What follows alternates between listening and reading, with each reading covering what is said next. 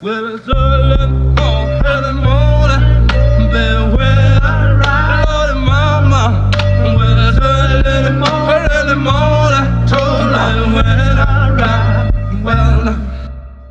Witamy w kolejnym odcinku podcastu Kompresor. Przed mikrofonami Patryk Wójcik. i Mateusz Kaczmarczyk.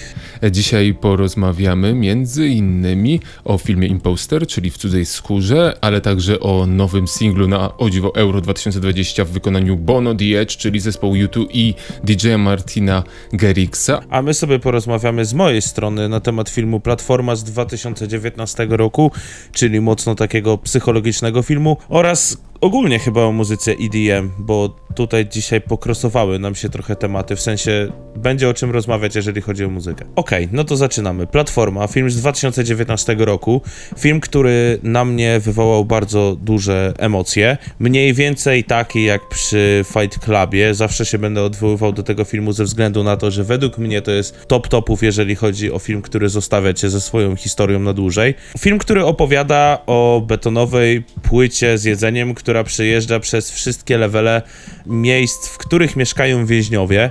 Wiadomo, że od samej góry to jedzenie, tego jedzenia jest najwięcej, a na samym dole nie zostaje już w zasadzie nic. E, sama platforma ma 333 poziomy, z tego co pamiętam. No i cały film nie pokazuje dokładnie historii więźniów, a pokazuje dokładnie historię tego, jak ludzie są na świecie podzieleni. Zostawia z takim delikatnym, delikatną refleksją na temat tego, jak warstwy społeczne w dzisiejszym świecie wyglądają i jak bardzo ludzie sobie nie potrafią pomagać. Hiszpański film. Na początku, jak mi wspomniałeś o tym, że będziesz o, czym o nim mówił, to nie skopowałem, o których film chodzi, ale teraz jak mi go pisałeś, to ja sobie przypominam, że widziałem fragmenty tego filmu i to jest film, który troszeczkę też nawiązuje, jest takim duchowym spadkobiercą filmu Cube, Sześcian. Warto zaznaczyć moim zdaniem, że czy sama platforma jako film jest y, debiutem i jeżeli mamy mówić o tym, jak reżyserzy, reżyserowie, reżyserzy, czekaj, jak jest poprawnie? Reżyserzy. Reżyserzy. Bardzo nie, nie podoba mi się to słowo, jakoś mi strasznie szeleści. No ale niech będzie. Twórcy filmu. Oficjalnie zmieniamy na reżyserowie. Tak, twórcy filmów, o może niech będzie tak. Twórca filmu, który wchodzi z debiutem tak potężnym, który potrafi zastanowić większość swoich odbiorców na temat tego, jak działa świat, no to szapoba. Zauważyłeś, że dużo. To jest taka typowa tendencja dla debiutantów w takich dziełach kultury narracyjnych, żeby stworzyć dzieło, którego już jeszcze nikt wcześniej nie zobaczył. Co jest z jednej strony dobrym pomysłem, ale patrz, ile razy to idzie niestety w złym kierunku. Znaczy, minusem takich filmów może być to, że jeżeli reżyser zaczyna z dużego C, to potem ciężko mu jest dorównać temu pierwszemu dobremu wrażeniu. Nie wiem, czy nie jest właśnie dobrze zacząć z takiego filmu, gdzie możesz jeszcze zostawić taki margines tego, że, nie pokazałeś jeszcze wszystkiego, co potrafisz. Ja jestem na przykład takim średnim fanem ulubionego swego czasu reżysera młodych osób, y, czyli Kevina Smitha, który najpierw stworzył Clerks sprzedawców, ten czarno-biały, taki gdzie wszystko się dzieje w sklepie, takim typu żabka i później bardzo szybko, no, no, no jego sława dosyć mocno stopniała. To dziś jest głównie wspominane z tych sprzedawców, ale z drugiej strony, z 85 strony, Quentin Tarantino zaczął od rezerwowych psów, którzy są podobno plagiatem, ale o tym cicho, ale wiesz, wybitnym takim właśnie filmem z, z wysokiego C i po, po, potem tylko poleciał wyżej i, i dostał Oscara za swój drugi film i teraz jest uznawany według wielu mądrych analityków filmu za prawdopodobnie najwybitniejszego scenarzystę dialogowego w historii amerykańskiego kina. Czyli y, wychodzi na to, że nasza rada dla reżyserów jest taka, że jeżeli zaczynacie z dużego C, to kontynuujcie ten poziom, albo wydajcie swój pierwszy mega chujowy film, a potem zróbcie mega zajebiste filmy w swojej karierze. Nie no, prawda jest taka po prostu, że no wiesz, in, inaczej, Dużo zauważ, rzeczy zależy od ludzi. To też jakby, też mi się tak wydaje, nie? Że Ale też od współpracy, Tak, tak. czy trafisz na dobrego producenta. od tego, jaką masz forcę na ten film. Akurat w filmie Platforma wydaje mi się, że no, jest to nagrane dobrze, bo gadaliśmy ostatnio o 12 Gniewnych, tak? To jest koncepcja filmu zamkniętego w jakby pokoju, w jakby w jednym, nie wiem, budynku, tak? Można tak to powiedzieć. Platforma ma to samo i mimo wszystko czuć w tym filmie tą taką mroczność, ciemność. Ja miałem wcześniej przed oglądaniem takich filmów takie, come on, nie da się nagrać filmu, który jest ciekawy i jest zamknięty w zasadzie w jednym pomieszczeniu. Bo jakby ile możesz wydusić z tej jednej scenografii? A właśnie sztuką jest nagrać to tak dobrze, żeby z tej scenografii wydusić bardzo, bardzo dużo. A teraz obczaj, bo po raz kolejny jesteśmy chyba jedynym medium w Polsce, które. Na świecie. ym, nas- albo i na świecie, które aż tak bardzo przez przypadek naciska na filmy teatralne, dziejące się w jednym bądź ograniczonej ilości miejsc, filmy, które spokojnie można byłoby bez najmniejszego uszczerbku na zdrowiu przenieść na deski teatru. Platformę totalnie można byłoby zrobić podrzędnym teatrzyku. Jedną platformę spuszczać, ten film można byłoby spokojnie w, w teatrze wydać. Bez czapy. Czyli mamy jakiś reborn teatru w kinie? A teraz obczaj, jak bardzo teatr, nie wiem jak często chodzisz, ja czasami nawet, nawet się pojawię, jak bardzo teatr próbuje być medium multimedialnym, które łączy ze sobą film i muzykę. I tam na żywo gra zespół, miętolą, y, wiesz, scenografię ustawiają, widownię dookoła sceny, tylko żeby wyrwać się z tej, można byłoby teoretycznie powiedzieć, ograniczającej jednej sceny, a z drugiej strony film coraz pokazuje, ej, reżyserzy teatralni, w ogóle nie macie pierdolonego pojęcia o czym mówicie. Chcecie zobaczyć jak wygląda interesujące dzieło dziejące się w jednym miejscu? Kurwa proszę. No, znaczy wiesz, wydaje mi się, że gdzieś tam poniekąd y, każda gałąź w dzisiejszych czasach musi gonić technologię do przodu, ale teatr w moim odczuciu powinien być taką formą sztuki nietykalną, zostawioną w takiej formie, jaka jest i albo to kupujesz, albo stary nie kupujesz tego. True, true. E, powiedz, e, czy platformę da się zrozumieć fabularnie? Dużo filmów wysokiej koncepcji e, ma problem z wpadnięciem w poetyckość, a przez poetyckość często dziwne alegorie, domysły. Troszeczkę nie masz pojęcia o czym był. Ten delikatnie ponad półtora godzinny seans bombarduje widza tak brutalnym ekranem, że wydaje mi się, że jeżeli oglądałeś to z totalnym skupieniem, a nie w przerwie robiłeś tysiąc rzeczy, to zrozumiesz o co chodzi. To bardzo dobrze. Pokazuje według mnie platforma, tylko wiesz, mówię to na podstawie swojego odbioru. Nie wiem jak to działa u innych. Ja lubię takie filmy, ale nie wiem jak to działa u amatorów takich thrillerów. Według mnie platforma to kino, które kupi każdy, kto będzie lubił doszukiwać się takiej trochę obserwacji świata z innego punktu widzenia niż zawsze. To film brutalny, nagrany tak, jak po prostu ma być, czyli film b- brudny. Uważam, że da się to wszystko zrozumieć, tylko musisz wiedzieć, co oglądasz i rozumieć w zasadzie każdy pojedynczy akt. No bo skoro już porównujemy to do teatru, to tam jakiś każdy pojedynczy akt. Ja oceniam platformę na wysoko, chyba 7,5 mi się wydaje. Bardzo mi się spodobał ten film. Choć jest hiszpański, ja mam trochę zrazy do hiszpańskiej, z hiszpańskiego kina. A dlaczego? Nie wiem, nie lubię języka hiszpańskiego. To jest chyba jedyny powód. Powód dobry jak każdy inny. E, jeśli ktoś nie wie, to w Kieleckiem i w okolicach pada rzęsisty deszcz, co odbija się na moim półsuficie. Ale to daje tylko klimatu. E, Przechodzimy płynnie do mojego filmu W cudzej skórze, czyli The Imposter, film z 2012 roku, e, amerykańsko-brytyjski. To jest film biograficzny, ale też dokumentalny, opowiadający turbo, absolutnie nierealną historię. Historię jakbyś ją, taką, że jakbyś ją zobaczył w kinie, to byś po prostu dał 2 na 10, ponieważ nie uwierzyłbyś, że to się mogło wydarzyć naprawdę. Jest sobie historia młodego Francuza, zaznaczmy, bruneta o brązowych oczach. Co ciekawe, film dokumentalny ma jako głównego narratora właśnie tego głównego bohatera i pojawia się na ekranie. W jakiejś budce telefonicznej znajduje go policja, a on bardzo nie chce, żeby policja go y, złapała. W związku z tym, gdy policja go zauważa, on w jakimś dziwacznym impulsie postanawia nic nie mówić. Policja uznaje, że on jest młodszy niż jest w rzeczywistości, głównie ze względu na jego raczej młody wygląd. Dochodzą do wniosku, że to jest jakieś zaginione dziecko. Ląduje na komisariacie, gdzie zauważa plakat zaginionego dzieciaka, podaje się za tego dzieciaka. W wyniku po prostu absurdalnych zbiegów okoliczności i farta zostaje wysłany na spotkanie z ewentualną siostrą, o ile dobrze pamiętam, tego zaginionego dzieciaka. Trik polega na tym, że zdjęcie, które zobaczył wtedy na komisariacie, było czarno-białe i mocno skserowane. w związku z tym nie wiedział, że chłopak jest niebieskokim blondynem. A mimo to policja wysyła go na drugi koniec świata, żeby spotkał się ze swoją, od dzisiaj powiedzmy, rodziną. Film jest bardzo, bardzo, bardzo chwalony za realizację. Mianowicie film ma bardzo proste pomysły na przeplatanie wywiadu, głosu tego głównego bohatera, winowajcy oraz ekstremalnie kinowo, fantastycznie, bardzo ślicznie nakręconych retrospekcji wydarzeń. Film odbił się minimalnym echem w kinie światowym. Ciężko go dostać. Wiem, że, że nielegalnie można było go zobaczyć na CDA swego czasu z lektorem. Jakim cudem? Kto to wrzucił? Nie wiem, ale w ten sposób byłem w stanie go zobaczyć. Polecam bardzo. Jest to typowe kino sensacyjne, troszeczkę o smaczku szpiegowsko-kryminalistycznego lat 70. w stylu Toma Clancy'ego. Tom Clancy tworzy kino, które jest takie mocno technologiczno-dziennikarsko bezpośrednie. To znaczy nie próbuje budować relacji między ludźmi, jakichś wątków pobocznych. Przechodził od razu do rzeczy, jego dialogi były szybkie i było to wtedy, wydarzyło się to, efektem tego było to.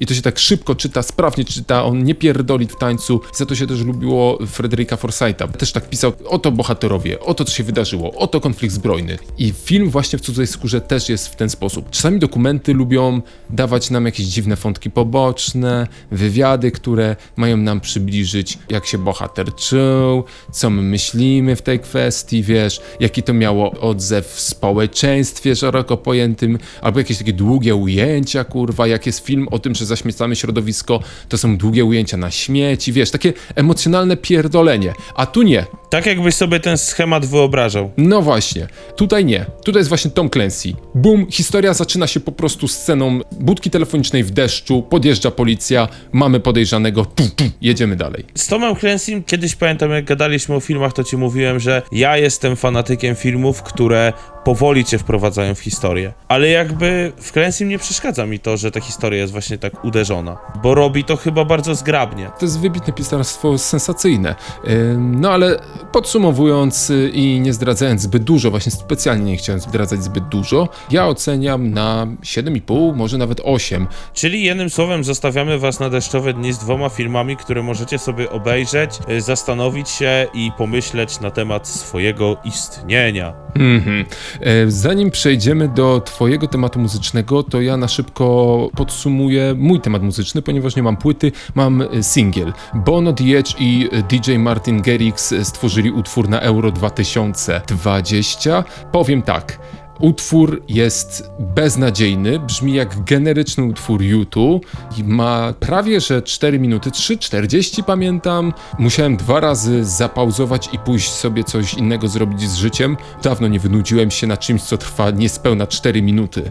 E, Jest to tak generycznie gówniany, gówniany nie utwór. Diecz wybrał przypadkowe chwyty, Bono na, zaśpiewał do tego przypadkową, kompletnie pozbawioną jakichkolwiek jaj, jakiegokolwiek takiego, wiesz, jak piszesz coś popowego, to to musi mieć kurwa swój, tak złapać cię za jaja, troszeczkę przykuć cię na te 3 minuty do głośnika. Wiesz, nawet jeśli to jest przaśne i, i głupkowate, to to powinno przynajmniej mieć jakiś tam refren, który tam potupiesz sobie nóżką. Tutaj jest płasko, jest płasko jak dywan, przy czym Martin Garrix też tutaj nie pomaga, bo Martin Garrix zawsze umiał napisać dobry hook, prostą melodyjkę, która była motywem przewodnim utworu i potrafiła być właśnie tym, co niosło tłum. Tutaj Garrix chyba tylko chyba dorzucił bity i w tle preset numer 5 i jakąś melodyjkę w stylu tiri tiri tiri tiri, która leci w tle. Kompletnie zmarnowany potencjał. Dziwi mnie to, ponieważ YouTube paradoksalnie jest zdolne do pisania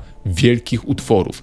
Nie tylko napisali fantastyczny kawałek do filmu Batman Forever, ale mało kto o tym wie. Kojarzysz Jamesa Bonda. No tak, znam takiego gościa. A kojarzysz film Golden Eye z Pisem Brosnanem? No, no, no. Kojarzysz- piosenkę wejściową? To napisał ją YouTube. YouTube napisał tę piosenkę. No, no, No ale jest jedną z najbardziej charakterystycznych y, utworów, jeżeli chodzi o Jamesa Bonda, nie? Prawda, ona jest totalnie kopie dupę. To jest dowód na to, że The Edge i Bono, oni są w stanie napisać kawałek, który rozpierdala banie i prawdopodobnie jest sławniejszy od samego filmu. Co tam się kurwa wydarzyło? Oni chyba dostali czek od euro i mieli 5 minut wolnego czasu. Swoją drogą utwór brzmi jak plagiat innego ich utworu. Jakiego? Zagadka dla was. Ale bardzo szybko Albo zgadniecie. wiesz, zobaczyli czek i powiedzieli, zabawne, ale w sumie gram w FIFA, to możemy coś wymyślić. I po prostu tak to mogło Tak, zadziałać. w sumie to są Irlandczycy, więc pewnie w chuj grają w FIFA. Ale przechodząc właśnie do muzyki klubowej, bo to był mój dzisiejszy temat, EDM, miałem bardzo dużo złych słów powiedzieć na temat muzyki elektronicznej, y, mainstreamowej, bo zanim się zacząłem bawić y, jako tam DJ jakieś dwa lata temu, no to byłem takim casualowym gościem, który właśnie znał tylko Martina Garrixa, Davida Guetta. Stevie Aoki to już też nie jest taki mainstreamowy. No ale uznajmy, że tacy typowi radiowi goście, nie? Radiowi goście, którzy puszczają, puszczają ten EDM, który słuchacie za każdym razem w RMF Max gdzieś po godzinie 20 w piątek. Chodzi mi o to, że w Polsce utarło się dziwne postrzeganie muzyki elektronicznej, jako że na dyskotekach, szczególnie w małych miejscowościach, bo jeżeli mówimy tutaj o naszym województwie, no to nie mówimy tutaj o metropoliach pokroju Warszawka ani Kraków, ale utarło się coś takiego, że ta muzyka klubowa jest po prostu scena EDM-owa i jakby scena bass house'u, future house'u, y, deep house'u, odmian różnych kuźwa tych gatunków elektronicznych jest tak szeroka, a Polacy mają, przynajmniej z tego co ja zaobserwowałem, tak wąskie spektrum patrzenia na tą muzykę, że jeżeli ktoś ci mówi, że słucha muzyki klubowej, to utarł się stereotyp, że jest to gość, który słucha techniawy. Przy czym techno to nie EDM, nie? Techno to nie jest EDM, ale zauważ, że z drugiej strony, jak ktoś mówi, że słucha e, muzyki klubowej, to bardzo często ma na myśli techno, ponieważ jest gościem, który nie odróżnia tych dwóch gatunków. Tak, tak, znaczy wiesz, y, jakby techno jest EDM-em, okej, y, źle powiedziałem, techno jest EDM-em, ale chodzi mi o to, że jeżeli mówiliśmy w poprzednim naszym podcaście o rapie, że ma od zajebania gałęzi, jeżeli teraz y, o to chodzi o muzykę, to w EDM-ie tych gałęzi jest wow, wow, jeszcze, jeszcze więcej. Ja miksując muzykę nadal nie poznałem całego EDM-u. Są jakieś w ogóle, wiesz, terrory, hardkory, jakieś rave'y, już nawet w to nie wchodzę, bo akurat ta muzyka według mnie jest, no dla mi się nie podoba, no nie? Ale boli mnie to, że w Polsce gdzieś utarło się, że ta muzyka klubowa, no stary, podciągnij sobie, ona by tak chciała do muzyki klubowej. Wiesz o co mi chodzi? Co się nierzadko w klubach zdarza. Tak, i ja spotkałem się na wielu imprezach, gdzie taka piosenka przez DJ-a była zapętlana trzy razy. Jest to poniekąd mój monologowy apel do DJ-ów, że skoro puszczacie taką muzykę w klubach, to sami uczycie publikę, żeby nie rozszerzała swojego spektrum. Przy czym muzyka electronic dance music nie oznacza e, muzyki płytkiej ani głupiej. No jasne, że tak. Ja na pewno do muzyki elektronicznej, nawet do tej płytkiej, do tej powszechnej, do tej puszczanej na SC czy na RMF Max mam jedną, na pewno imponuje mi jedna rzecz, jak bardzo była w stanie gładko i przyjemnie skapitalizować koncepcję hedonizmu, czyli poczucia, że przede wszystkim liczy się w życiu tylko i wyłącznie zabawa. Coś, co jest y, od zawsze było uznawane za e, gówniane podejście do życia, a jeśli już ktoś próbował to podciągnąć pod filozofię, a jest to filozofia życia, znana jeszcze z Grecji, hedonizm, to było ta najgorsza forma podejścia, jakie możesz mieć w życiu. A EDM zdołał to nie tylko skapitalizować, ale też nadać temu różnoraki koloryt, nawet takiego głębszych przemyśleń i głębszego takiego sensu, nie przez teksty, tylko przez nastrój, który wytwarza. Bo EDM jest w stanie wytworzyć całe spektrum nastrojów. Właśnie, kuźwa, o to chodzi. Ja miksując muzykę, znaczy ja nie nazywam się w ogóle DJ-em jeszcze, bo moim zdaniem DJ to jest gość, który po prostu nie tyle co nawet porusza tłumy, ale ten cały miks, który on utwarza jest płynącą falą dźwięku z którego mógłbyś wyciągnąć dwu... To jest tak naprawdę dwugodzinny utwór muzyczny. To nie jest dwugodzinna składanka muzyki. To jest dwugodzinny utwór muzyczny. Ja do tego poziomu mi jeszcze daleko. Robię to mega hobbystycznie, więc jakoś tam strasznie nie aspiruję na nie wiadomo co, ale odkrywając poniekąd tą muzykę elektroniczną, docieram do takich utworów, które, wiesz, jakby z pierwszego punktu widzenia patrzysz na nie jak na zwykłą potupajkę pod nogę. Ale jeżeli puścisz ten utwór na dobrym nagłośnieniu, przy dobrej akustyce, czujesz, że ten gość, który robił tą muzykę, niesie cię przez swój świat. Brzmi to trochę jak jakaś ten, jak jakaś nirwana yy, narkotyczna, ale tak to wygląda, naprawdę. Przede wszystkim y, to porównanie do nirwany narkotycznej wcale nie jest przypadkowe, ponieważ EDM bardzo często jest utożsamiane z kulturą narkotyków. I przez kulturę narkotyków mam na myśli kulturę ludzi, którzy właśnie jeżdżą na Coachelle, y, na Burning Mana czy inne y, festiwale, brać narkotyki, ale nie po to, żeby się zbetonować, tylko po to, żeby otworzyć swoje trzecie oko i przeżyć pewne takie sensualne, religijne niekiedy doznania, ale też to, co warto oddać. Nawet i wydaje mi się, że nikt nie jest w stanie tego jednego argumentu odbić. To to, że elektroniczna muzyka przesunęła granice jakości samego dźwięku. Tak. To nie metal, to nie hip-hop, to właśnie elektroniczna muzyka wymusiła na klubach wysokiej jakości nagłośnienie warte miliony dolarów. Rzucać truizmem, to w sumie można powiedzieć Tomorrowland. Fucking big business, man. Na Tomorrowlandzie masz po prostu to, czego oczekujesz od festiwalu. Już nie mówię nawet o samym dźwięku, mówię o wizualizacjach, o, o wszystkim, o pirotechnice. To już nie jest tylko koncert. Wiesz, możesz sobie, jak to by powiedzieć, bardzo prosto zajebać pigułkę i iść się bawić, ale możesz być tym zwykłym typem, który jedzie tam, doświadczyć czegoś, czego nie może doświadczyć słuchając muzyki w domu. To jest piękne też, co y, o tym powiedziałeś przed chwilą, ponieważ EDM według mnie skutecznie wymknęło się z tej pułapki sceniczności. Mianowicie w roku, jak nie byłeś charyzmatycznym gitarzystą i seksownym wokalistą, to nie za bardzo dało się gdziekolwiek pójść i wszelkie próby tworzenia z koncertów rockowych spektakli niestety odbiły się takim e, 6 na 10. Nawet fani metalu wiedzą, że te spektaklistyczne koncerty metalowo-rockowe, one to, to, te, te pirotechniczne efekty, one są takie trochę z dupy. Podobnie jest w hip-hopie. W hip-hopie są ci są różne tam sposoby na zainteresowanie tłumu twoją osobą, dania im powodu, dla którego wydali równowartość dwóch płyt na jeden koncert, ale też ciężko to wytłumaczyć w momencie, w którym jesteś 458 rzędem na hali widowiskowo-sportowej i chuja widzisz, bo ekran kurwa jest z półsekundowym opóźnieniem, ten duży taki telebim i tak naprawdę kurwa nic nie widzisz i jesteś kurwa w dupie szarej i jak jest średnio ogłoś- nagłośnienie to nawet kurwa niespecjalnie słyszysz tej muzyki, a jak jesteś za blisko to jesteś kurwa ogłuszony. Nie.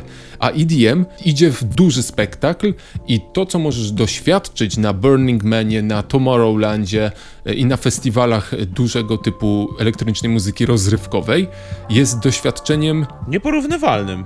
Naprawdę. I oni teraz dotknęli sufitu i obrócili wszystko do góry nogami i uczynili z tego podłogę. Bo teraz twórcy EDM nie muszą tańczyć. Oni muszą wyglądać, oni nie muszą fajnych mieć gestów, ani umieć grać na instrumencie. To całe spektrum dookoła. Oni są reżyserami spektaklu, a nie aktorami w spektaklu. Dokładnie. Kończąc ten nasz temat i w sumie powoli podcast, chciałbym cię spytać, bo ja wiem, że e, ty raczej chyba słuchasz muzyki alternatywnej, rockowej, mogę tak powiedzieć, trochę rapu, ale chodzi mi o twoją główną, że tak powiem, główne skrzypce. Moje główne skrzypce to rzeczywiście chyba muzyka zorientowana wokół instrumentów akustyczno-elektrycznych. No a co? Czy ja płacę za wszystko? Pakujesz walizkę w wakacje, pakujemy się do samolotu i lecimy na Tomorrowland, na cały Tomorrowland. Czy byłbyś chętny na coś takiego? O, ja ci powiem więcej. Ja chciałem sobie kiedyś pojechać na Tomorrowland, ale niestety wiąże się to z naprawdę dużymi pieniędzmi, ale zawsze mogliśmy wylądować gorzej. Zawsze mogliśmy w ogóle wylądować na Fire Festival. O tym też będziemy kiedyś, mam nadzieję, że powiemy przez pryzmat dokumentu, który stworzył Netflix o największej nieudanej imprezie EDM wszechczasów. Wow. E, chyba poświęcimy cały odcinek Fire Festival 20, 1, jeśli się 20 uda. specjal będzie poświęcony temu. No, o, bardzo dobry pomysł. Bardzo dobry pomysł, zapamiętuję. E, A teraz e, szybciutko przechodzimy do newsików. Nuance e, wprowadza płatne subskrypcje. Tak zapowiedziało jedno z najbardziej nowatorskich rozgłośni radiowych internetowych w Polsce. E, Radio s- które mm, obecnie troszeczkę nie za bardzo wiadomo w jaki sposób zarabia pieniądze, ale radzi sobie. E, Radio, które powstało jeszcze przed Nowym Światem e, i przed wielkim rozpadem Trójki. Radio skupione wokół muzyki elektronicznej, ale także hip-hopu. Od jakiegoś czasu pojawia się informacja na stronie e, Nuance, że już teraz zapowiadają wprowadzenie płatnej subskrypcji. Darmowe ma być radio live, które sobie odbierasz, skrócone wersje podcastów, skrócone wersje wywiadów filmików oraz skrócone wersje artykułów, czyli tych newsików krótkich. To, za co będą chcieli Pieniądze. żeby pieniądze, to pełne podcasty, pełne wideo i długie artykuły. I powiedz mi, jak ty to oceniasz, bo ja mam takie. Mnie się to tak i podoba, i nie podoba. Znaczy wiesz, no gdzieś Gazeta Wyborcza już tak działa, nie? Że jeżeli chcesz przeczytać pełną wersję artykułu, no to jedziesz z abonamentem, nie? Tak mi się gdzieś tam to widziało. Każdy chce zarobić siano, po prostu y, nie umniejszając niuansowi, wyrobili sobie ogromną markę i w tym momencie, no po prostu chcą zarabiać z tego, nie? Powiedzmy sobie szczerze, niuans był, wiadomo, że tam chwilę przed coś już się kotłowało, ale to byli pionierzy, jeżeli chodzi o, o radia internetowe. Tak mi się wydaje w Polsce. Tacy, takie wiesz, większe, większe rzeczy. I jeżeli mają na tyle wiernych słuchaczy, to jakoś to tam łyknie, nie? Właśnie ja słyszałem niestety dużo mniej optymistyczną wersję wydarzeń związaną z wyborczą, ponieważ wyborcza podobno wcale zbyt dobrze nie wyszła na tych płatnych subskrypcjach. Zastanawia mnie, kto czyta pogłębione artykuły, reportaże i wywiady e, na dzisiejszych stronach internetowych, zwłaszcza zorientowanych wokół kultury street, wokół kultury y, młodzieżowej. Troszeczkę nie wiem. Z jednej strony wydaje mi się, że oni chyba zrobili badanie i oni wiedzą o czym mówią, ale czy aby na pewno tyle osób czyta te ich długie artykuły, żeby można byłoby z tego robić pieniądz? Ja bardzo często podcasty ich włączam, żeby posłuchać, czy coś jest fajnego, a potem wyłączam. I tak naprawdę podcastów w pełni na niuans to ja usłyszałem może trzy. Większość we fragmentach. Okej, też mi się wydaje, że gdzieś tam e, bardziej do słuchaczy, e, czy w ogóle czytaczy trafia krótka treść, bo dzisiejszy czas jest bardzo krótki i bardzo szybko się życie toczy. No ale wiesz, no może gdzieś tam sobie poparli to jakimiś badaniami. Mam nadzieję, że się nie mylą i mam nadzieję, że niuans nie straci na jakości, bo gdzieś tam jestem przyzwyczajony do tego, że już gdzieś ten niuans sobie orbituje wśród y, ogólnego świata polskich mediów. E, Ostatnie pytanie a propos niuans. Czy nie uważasz, że lepszym wyjściem było wprowadzenie, byłoby wprowadzenie reklam? To jest takie duże pytanie, prawda? Reklamy kontra subskrypcje.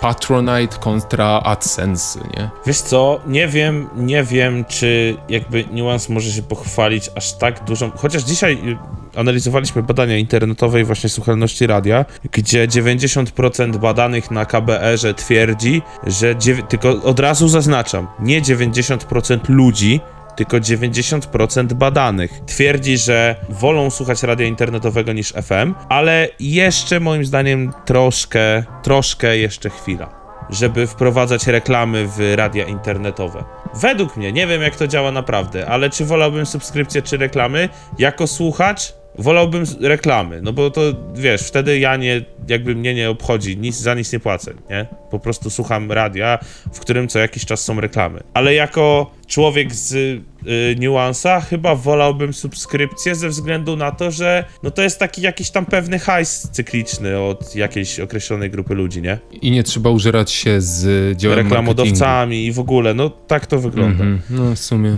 tak. Drugi newsik ode mnie, szybciutki. Otwierają się kina 21 maja. Trzy filmy wejdą, o których warto, to szybciutko podsumujmy. E, Ludzki głos, film Petro Almodovara z Tildą Swinton. Ojciec, podobno ostatnia wielka rola Antoniego Hopkinsa. I Świat, który nadejdzie, czyli film dziejący się w XIX wieku na amerykańskiej prowincji dla fanów kina niszowego. No to zapraszamy już do kina. No, Zapraszamy już do kina. Y, Netflixa możecie trochę odpuścić i tym chyba miłym akcentem, wracając do normalności, możemy was też zaprosić na następny tydzień chyba podcastu, nie? dokładnie. E, Przed mikrofonami byli Patryk Wójcik I Mateusz Kaczmarczyk. A to był kompresor. Nara!